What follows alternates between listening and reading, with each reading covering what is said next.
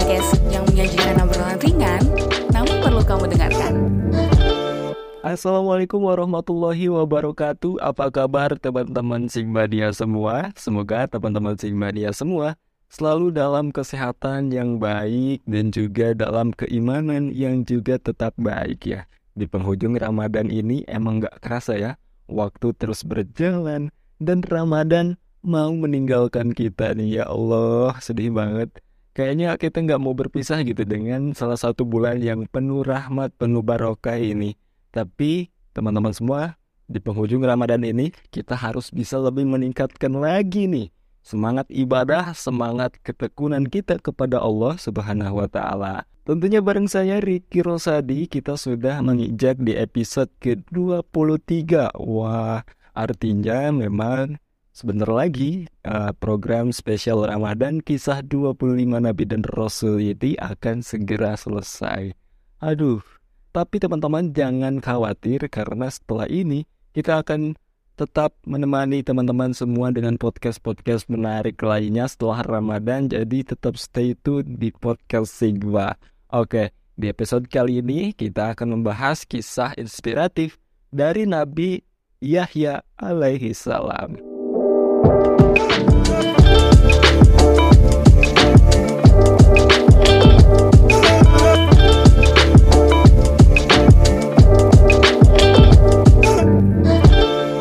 Nabi Yahya alaihi salam lahir ketika ayahnya yaitu Nabi Zakaria memasuki usia lanjut.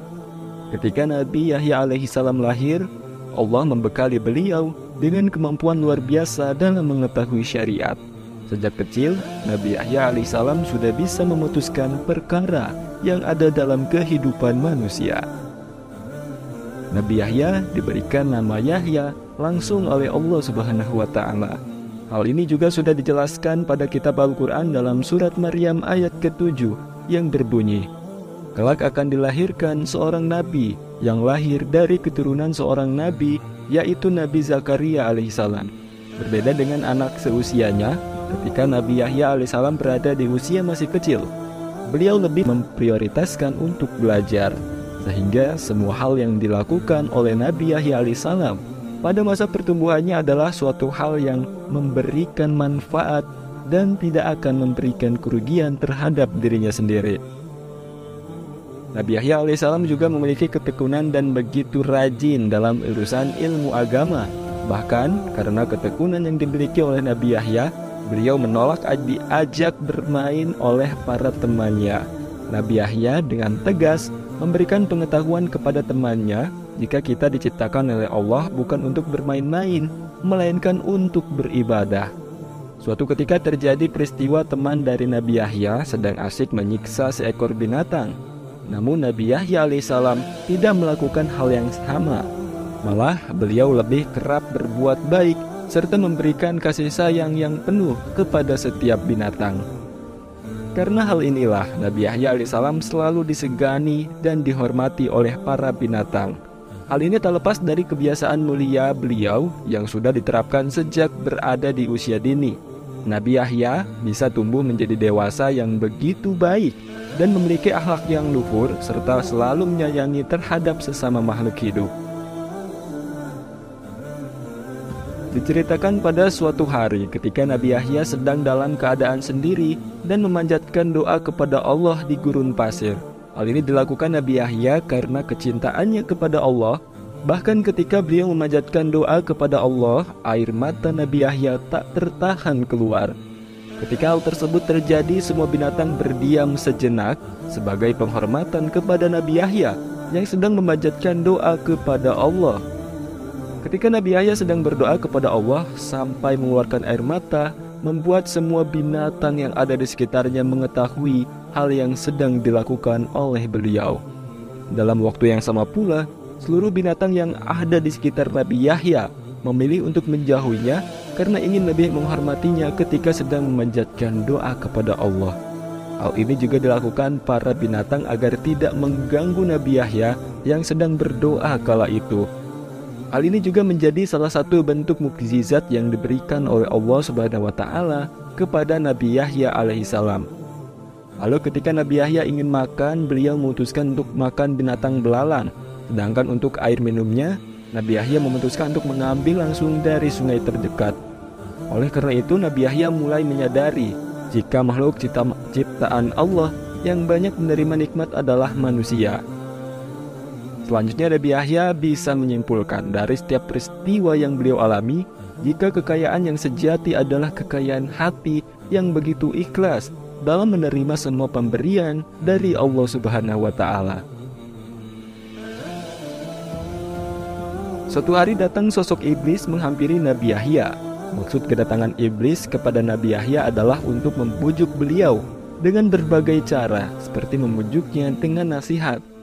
Akan tetapi Nabi Yahya tahu dengan maksud tujuan dari iblis ketika menghampirinya dan memberikan nasihat kepada beliau yaitu untuk menggoda keimanan. Karena hal tersebutlah usaha iblis menggoda Nabi Yahya gagal seketika. Sebab Nabi Yahya yakin akan kedustaan iblis. Merasa gagal membujuk Nabi Yahya, seketika, seketika iblis pergi meninggalkan beliau. Namun iblis masih menginginkan di kemudian harinya dirinya mampu membujuk Nabi Yahya. Tibalah hari dinantikan oleh iblis selama ini. Iblis kembali menemui Nabi Yahya dengan tujuan yang sama, yakni menggoda keimanan beliau. Akan tetapi upaya iblis dalam menggoda Nabi Yahya kembali tidak berhasil. Hal ini tak lain karena Nabi Yahya adalah salah satu makhluk yang dijaga Allah Subhanahu wa taala. Kisah lain yang tak kalah menariknya dari kisah Nabi Yahya adalah ketika beliau menentang Raja Herodes. Kota Yerusalem pada masa itu sedang dipimpin oleh seorang raja bernama Herodes.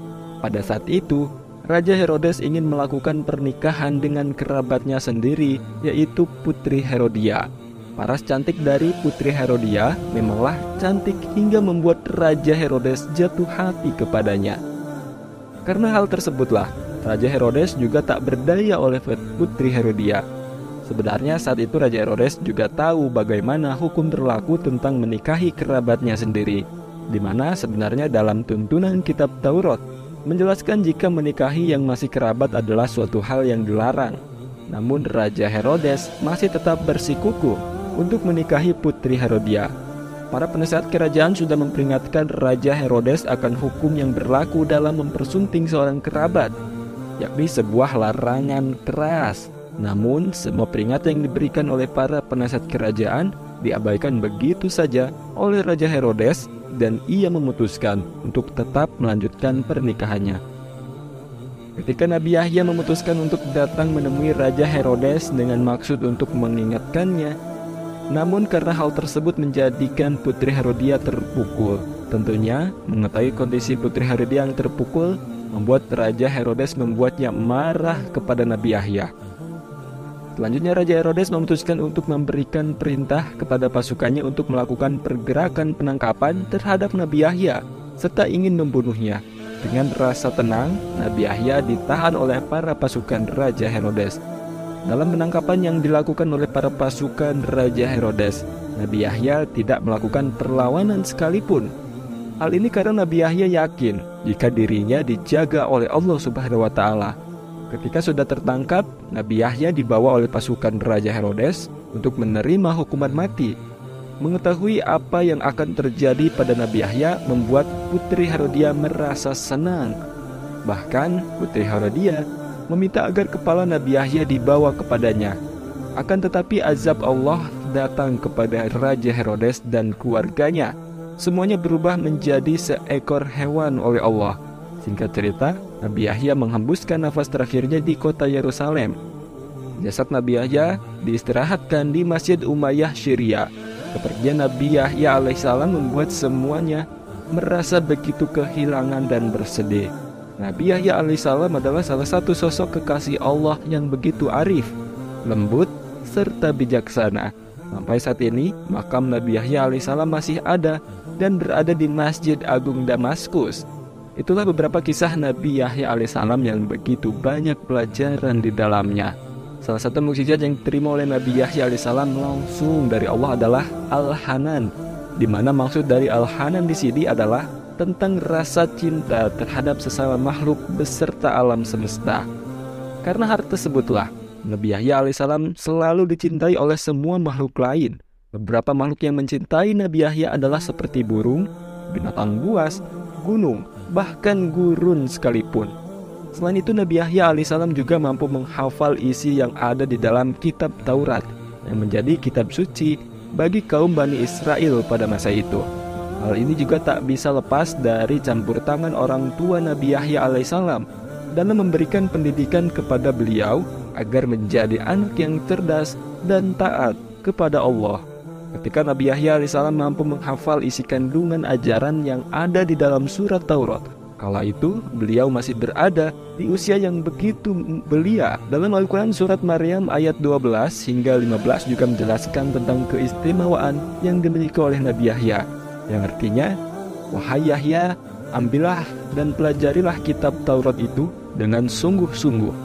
Dan kami berikan hikmah kepadanya atau Yahya selagi dia masih kanak-kanak dan kami jadikan rasa kasih sayang kepada sesama dari kami dan bersih dari dosa. Dan dia pun seorang yang bertakwa dan sangat berbakti kepada orang tuanya. Dan dia bukan orang yang sombong, bukan pula orang yang durhaka. Dan kesejahteraan bagi dirinya pada hari lahirnya, pada hari wafatnya, dan pada hari dia dibangkitkan hidup kembali. Nabi Yahya juga memiliki beberapa sifat kebaikan yakni diberikan yang diberikan oleh Allah Subhanahu wa taala. Beberapa di antaranya adalah diberikannya kitab Taurat dan memiliki ilmu hikmat sejak usianya masih belia. Maksudnya adalah Nabi Yahya dianugerahi ilmu agama dan selalu cepat dalam menerima kebaikan. Beliau juga selalu memberikan kasih sayang kepada manusia, suci terhadap noda dan dosa, bertakwa, dan tidak sombong dan juga durhaka. Hal ini juga dijelaskan dalam kitab suci Al-Quran surat Maryam. Hai Yahya, peganglah teguh-teguh ajaran kitab Taurat ini. Selanjutnya kami anugerahkan kepadanya ilmu hikmat selagi ia masih kecil. Dan rasa kasih sayang dari kami terhadap sesama manusia, suci dari noda dan dosa. Dan ia pun bertakwa, serta berbakti kepada orang tuanya. Lagi pula, ia tidak sombong dan durhaka. Ucapan selamat dari Tuhan kepadanya pada hari ia dilahirkan dan pada hari ia meninggal dunia, serta pada hari ia dibangkitkan hidup kembali.